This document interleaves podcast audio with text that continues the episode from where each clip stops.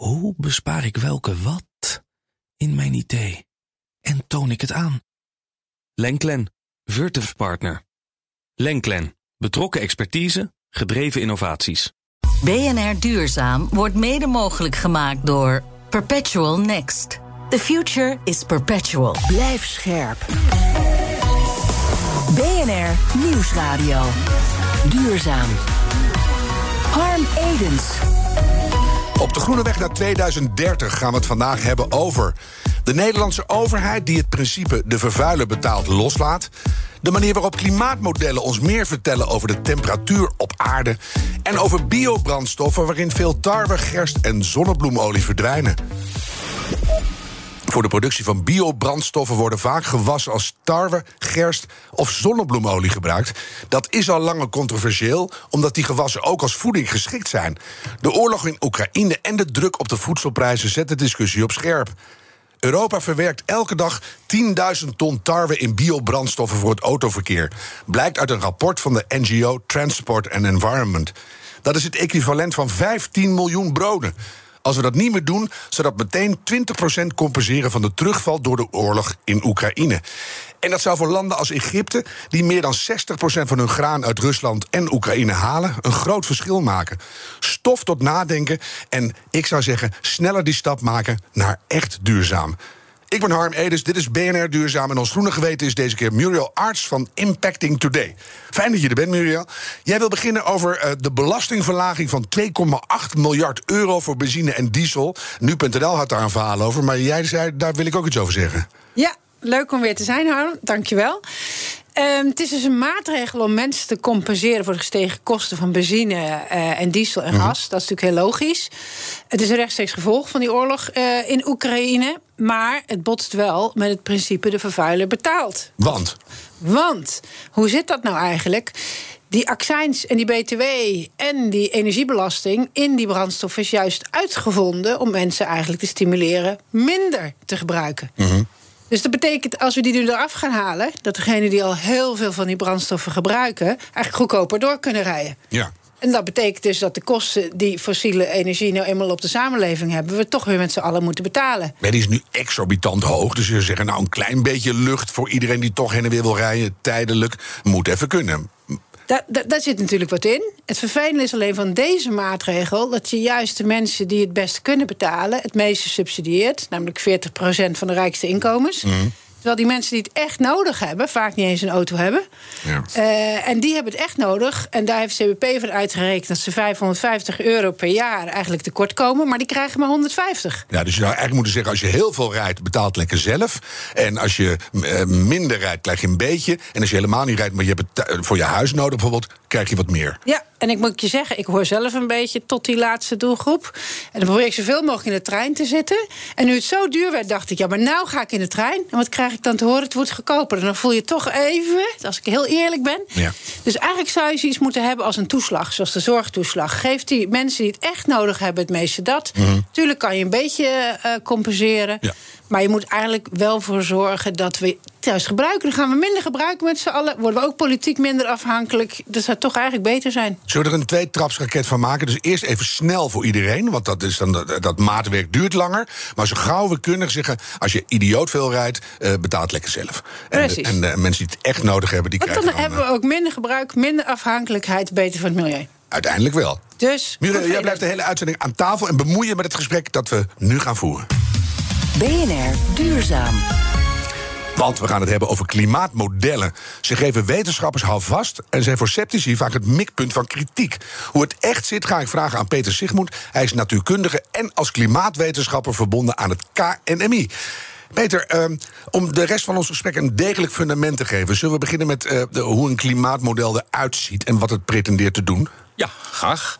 Uh, kijk, we kennen de natuur, hè, sinds de Newtons uit ons verleden. En die hebben ons de wetten geleerd en die stoppen we in een model. Mm -hmm. uh, denk aan een stroming rondom een draaiende bol. Dat is de aarde, die wordt beschenen door de zon. En we gebruiken dat om de weersverwachting te maken. En dat gebeurt al sinds de Tweede Wereldoorlog op, met in de computer. Dat kunnen we steeds beter. En een oceaan zit er ook bij, het ijs, nou, het klimaat, het weer. En precies diezelfde natuurkunde die geldt ook voor het klimaat en ook voor het klimaat van de toekomst. Dus al die modellen eh, die gebruiken we om het, ook het klimaat te verwachten. Eh, het weer kun je maar twee weken vooruit voorspellen en dan houdt het op.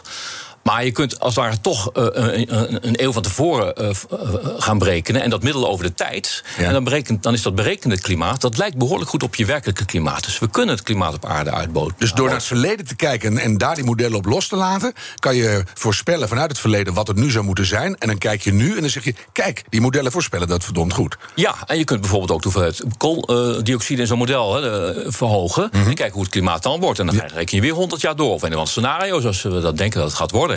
En op die manier krijg je het klimaat van de toekomst. En ja. klimaatverandering, zeg maar. maar nou, nou ben je natuurkundige en weerman, om het maar even ja. heel plat te zeggen. Zijn het voor jou nou echt scenario's uh, om, om mee te spelen? Van een beetje zus, een beetje zo, een beetje CO2 erbij, een beetje eraf? Of is het ook echt iets waarvan jij zegt, daarmee voorspellen wij het klimaat? Kijk, als het gaat om hoeveel uh, broeikasgassen wij gaan uitstoten... dan zijn er scenario's, dat is menselijk gedrag en dat laat zich niet Nee, maar dat weet je Maar als je uitgaat van zo en zoveel gaan we verbruiken... Mm -hmm. dan kun je behoorlijk goed berekenen hoe het klimaat gaat Ver, uh, veranderen. En al die modellen zeggen het warmt allemaal op. En ja, goed, bij een CO2-verdubbeling is dat tussen de 2 en de 4 graden. Dus ja. nog best wel een range. Maar wel een zekere opwarming. Dus uh, ja, het, het, is de mix van de mens en de natuur. Ja. En nou, zei je al, vanaf de Tweede Wereldoorlog doen we dat. Ja. We zijn er steeds beter in geworden. Die computers kunnen steeds beter rekenen, noem maar op. Als je kijkt waar we nu zijn en doe er eens tien jaar bij... kunnen we dan nog veel beter de details in kaart brengen? Of blijft het eigenlijk een beetje, zijn we nu al op de top van de modellen? Nou, iets wat echt nog beter kan en ook moet, dat, dat zijn regenbuien. Uh, want die zijn klein. Kijk, je moet je voorstellen, wij uh, maken nu de aarde in hokjes... van ongeveer 20 kilometer bij 20 kilometer in, ja. het klimaat. Bij een weersverwachting overigens al bij 2 bij 2. Maar goed, dat, dat gaat maar twee weken vooruit. Even, die, die, die, hebben we niks aan voor het hele gesprek, maar wel leuk. Kan je op, een, op 2 bij 2 een regenbui voorspellen? Uh, kilometer, ja, ja, ja, ja dat, dat kan. Ja. Vind ik al geweldig. Ja. Ik stond laatst letterlijk te kijken in een bui. Ik stond in de bui en een halve meter naast mij was de bui niet.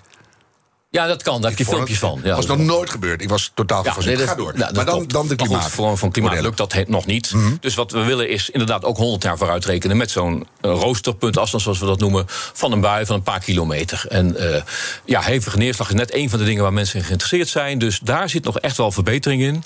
Uh, dus ja, als we dat hebben, denk ik van... nou, dan zijn we, dan zijn we nou, klaar. Maar je bent nooit klaar, maar dan zijn we behoorlijk klaar. Maar da en dan bedoel jij, als die modellen nog specifieker... en nog beter geoutilleerd raken, dan kan je ook voor over 10 jaar, 50 jaar voorspellen wat voor soort buien en welke intensiteit er gaan voorkomen. Helemaal, de frequentie, hoe die toeneemt en de intensiteit van buien en in welke gebieden, ook welke gebieden droger worden. Mm -hmm. Dat soort dingen. Is bijna niet voorstelbaar hè, voor de gewone luisteraar. Nee, maar de, ja, de, de natuurkunde erachter die is weer vrij makkelijk. Als het één gaatje warmer wordt, dan past er 7% meer vocht in, in een bui. Ja, en dat ja, komt ja, ook naar beneden. Maar goed, moet het ergens anders moet het weer verdampen. En daar heb je energie voor nodig. En die, nou, die heb je wel, maar dat is weer een andere vorm. Dat is infrarode straling. Mm -hmm. Hoewel, dat grijpt allemaal samen. De, de, dit vak is uh, in essentie makkelijk, maar het zijn heel veel kleine dingetjes die makkelijk zijn, die allemaal tegelijkertijd in elkaar grijpen. En ja, dat. Uh, en een enorme bak data die je dan rondgoochelt. Dat klopt, vele honderden jaren. En daar komt iets uit, er komt altijd wat uit. En dan heb je de mens nodig om te zeggen van ja, dit.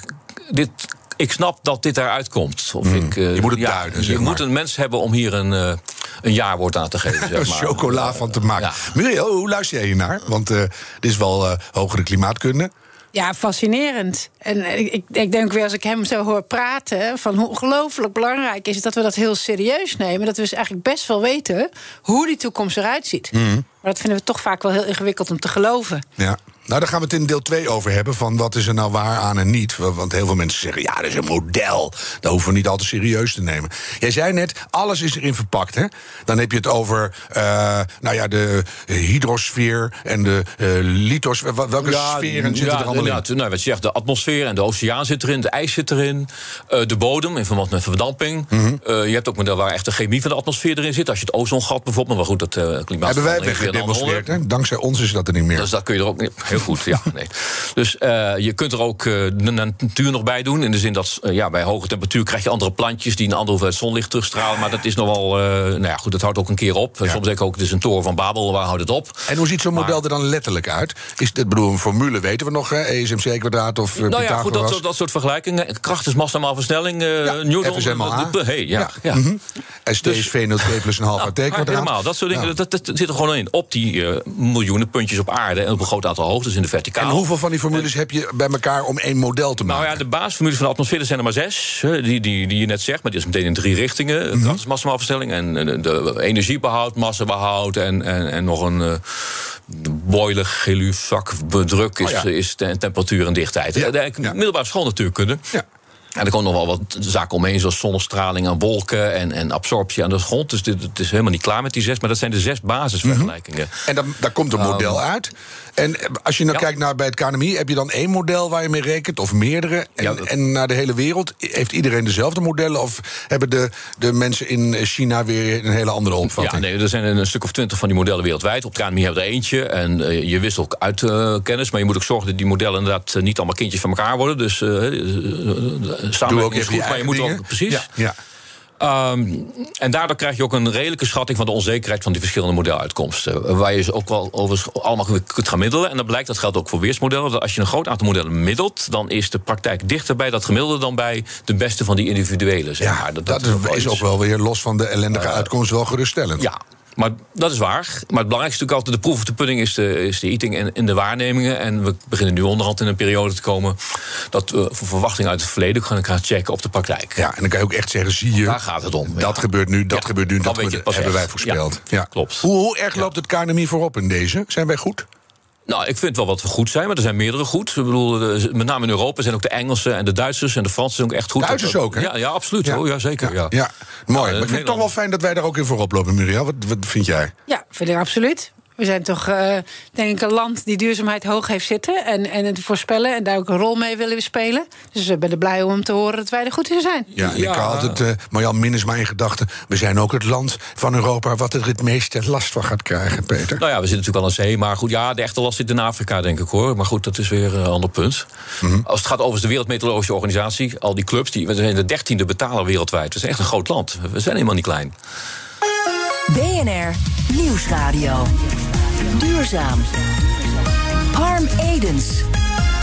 We leren in deze aflevering van alles over klimaatmodellen die wetenschappers gebruiken om de temperatuur op aarde in kaart te brengen. Te gast is Peter Sigmund van het KNMI. Is het echt Sigmund of Sigmund? Ik zeg altijd Sigmund, maar Sigmund het komt ook uit Duitsland mooi. hoor. Gouden eeuw, iemand ging naar. Amsterdam toe.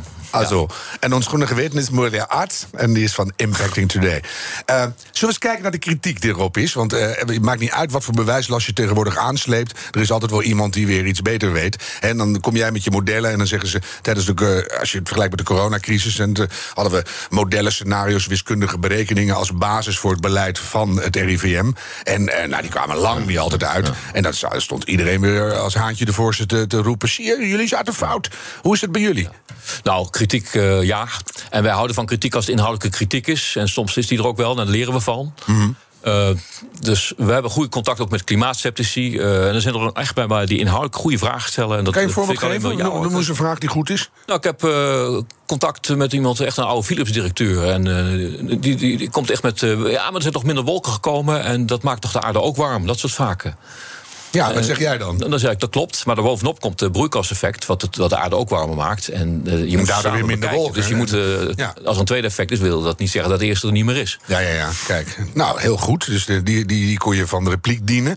Maar in zijn algemeenheid zeggen klimaatceptici vaak... zo'n model, dat is in de kern een hypothese... en die kan je wel redelijk nou ja, een beetje objectiveren... door de- inderdaad door naar het verleden te kijken... en te zien wat je vroeger voorspeld hebt. Maar ja, als je het niet echt kan testen... dan blijft het toch een beetje Zeker voor die langere toekomst.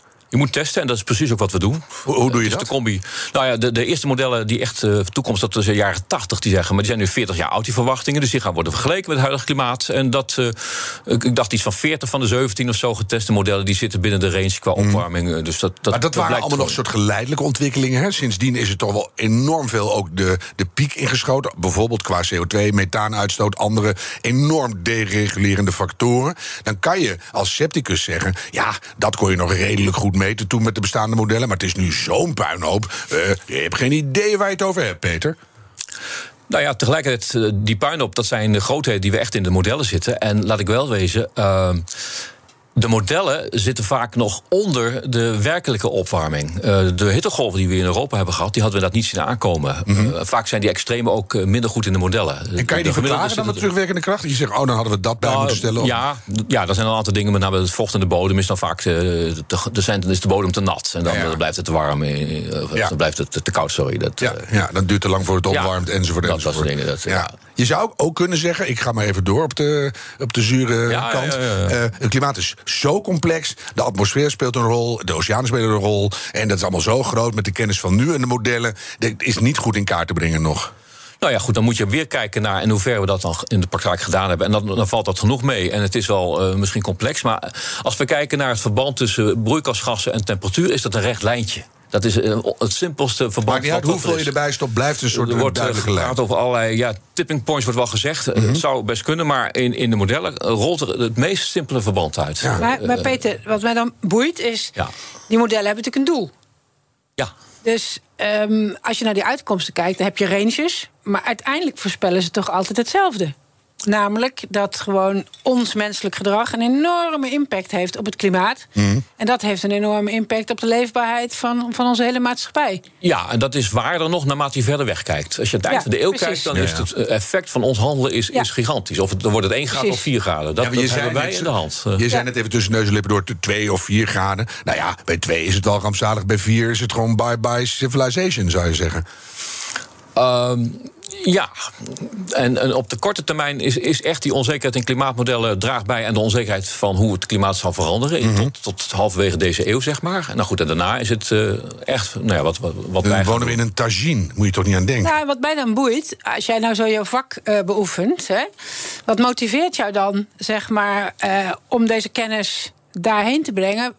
Waar we er hopelijk wat mee gaan doen. Want we zullen toch moeten veranderen, neem ik aan. Of ja, dat vind ik een mooie vraag. Ja. Wat vind maar, jij daarvan? Het is, het is een, een, dubbele boeiing. Eh, als vak, ik ben natuurkundige en ik vind het echt leuk om dingen te begrijpen. Al 30 jaar ja. in dit vak. Ja. Uh, en verder persoonlijk, uh, ik probeer ook te leven praktisch waar het klimaat zeg maar enigszins uh, mee in de pas uh, loopt. Ik bedoel, ik probeer niet te veel spullen te kopen. Ik rijd nauwelijks of geen auto, ga niet met vliegtuig. Maar, maar dat ben jij zelf, Peter. ik snap zo goed wat Muriel bedoelt. We hadden het in het voorgesprek er ook al even over. Jij bent 60, ik ben 60. Nou ja, 57. Schiet, schiet ook alweer op. Ja, ja. He, op een gegeven moment dan is je leven zo lang in dienst van iets. Ik doe ook al heel lang duurzame dingen. Op een gegeven moment wil je zo'n klimaatmodel pakken en daar een middelgroot uh, fossiel bedrijf mee om de kop slaan, toch? Ja, nou dat heb ik minder. Ik, ik zie wel, ik, ik, werk in, nou ja, in het onderzoek waar, als ik zie die klimaatrapporten, de IPCC-rapporten, waar alles van, die, van alle mijn collega's bij wordt samengevat, mm. toch hoeveel effect dat heeft. We hebben een verdrag van Parijs. Nou ja, en uh, dat samen en de consequenties van dat bedrag, verdrag,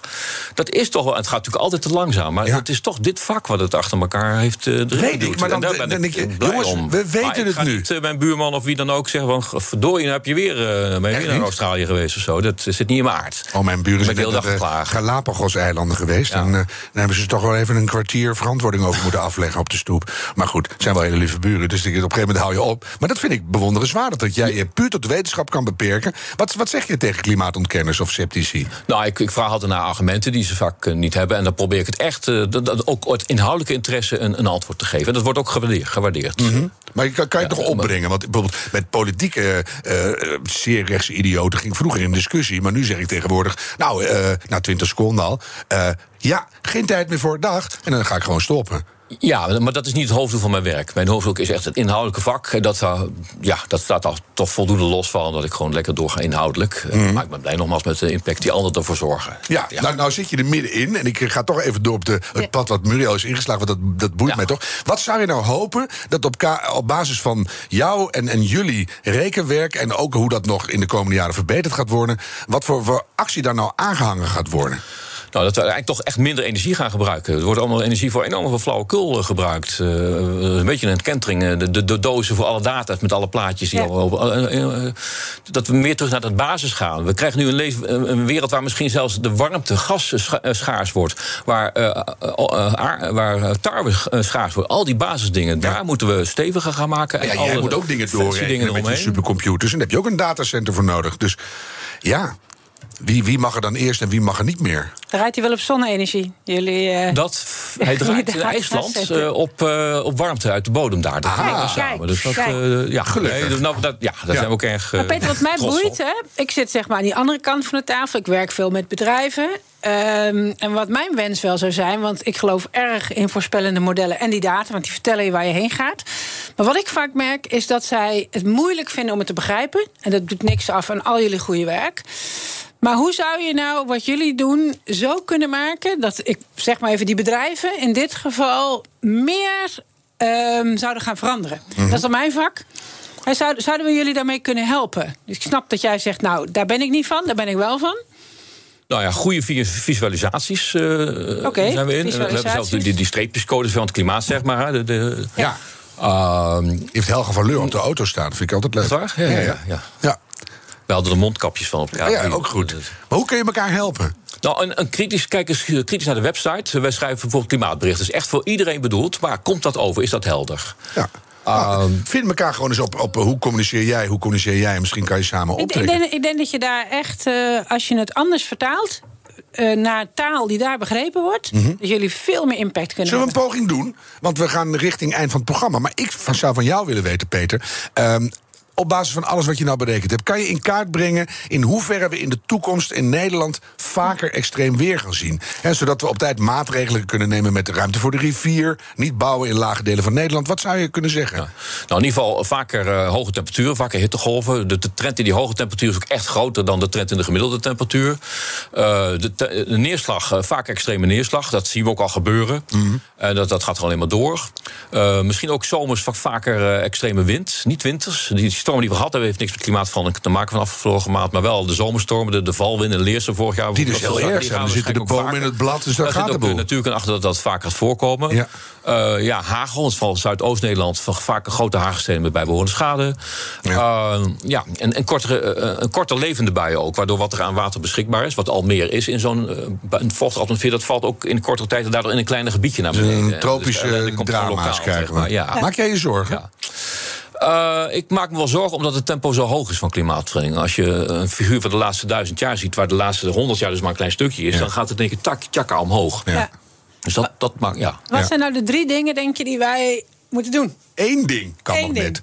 Eén ding. Wat zijn het allerbelangrijkste? Nou ja, uiteindelijk de zee is voor Nederland echt het belangrijkste. Dat is eh, één. En, en, en, en, en twee is, eh, ja, ik denk toch, de, de heeft de hevige regen in steden, het water eh, Ja. kunnen wegwerken. Ja. Nou, doe drie dan ook nog maar even. Ja. Ja, drie is denk ik eh, ja, hittegolven.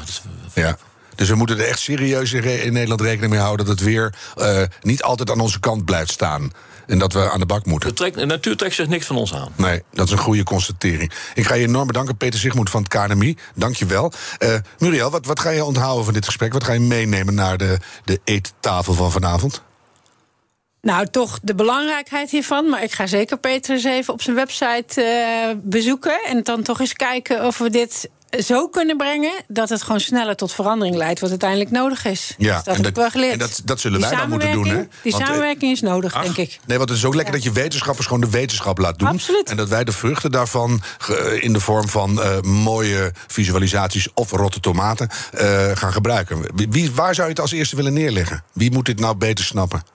Nou ja, ik zat er net te denken, maar dat praat je waarschijnlijk... omdat ik nu verzekeraar zou zijn, dan zou ik toch redelijk denken... oh jeetje, dat wordt een ingewikkeld mo- businessmodel wat ik heb. Hè, Dat moet wel heel anders. Mhm. Ja. Maar ik zit ook te denken bijvoorbeeld aan de landbouw. Ja. Wat kan die anders doen, zodat ze meehelpen... Dat het, dat het niet zo snel stijgt? We gaan dat doen. Ik ga jou ook bedanken. Muriel Arts, dankjewel dat je er was. En eh, wat ik ga meenemen, ja, dat we dat verhaal loud en clear moeten neerleggen... en geen genoegen meer nemen met wegkijken, want het verhaal is er. Dit was BNR Duurzaam, de groene weg naar 2030. Laten we die met z'n allen nemen en een beetje doorlopen graag. De tijd van treuzelen is voorbij. BNR Duurzaam wordt mede mogelijk gemaakt door Perpetual Next. The future is perpetual.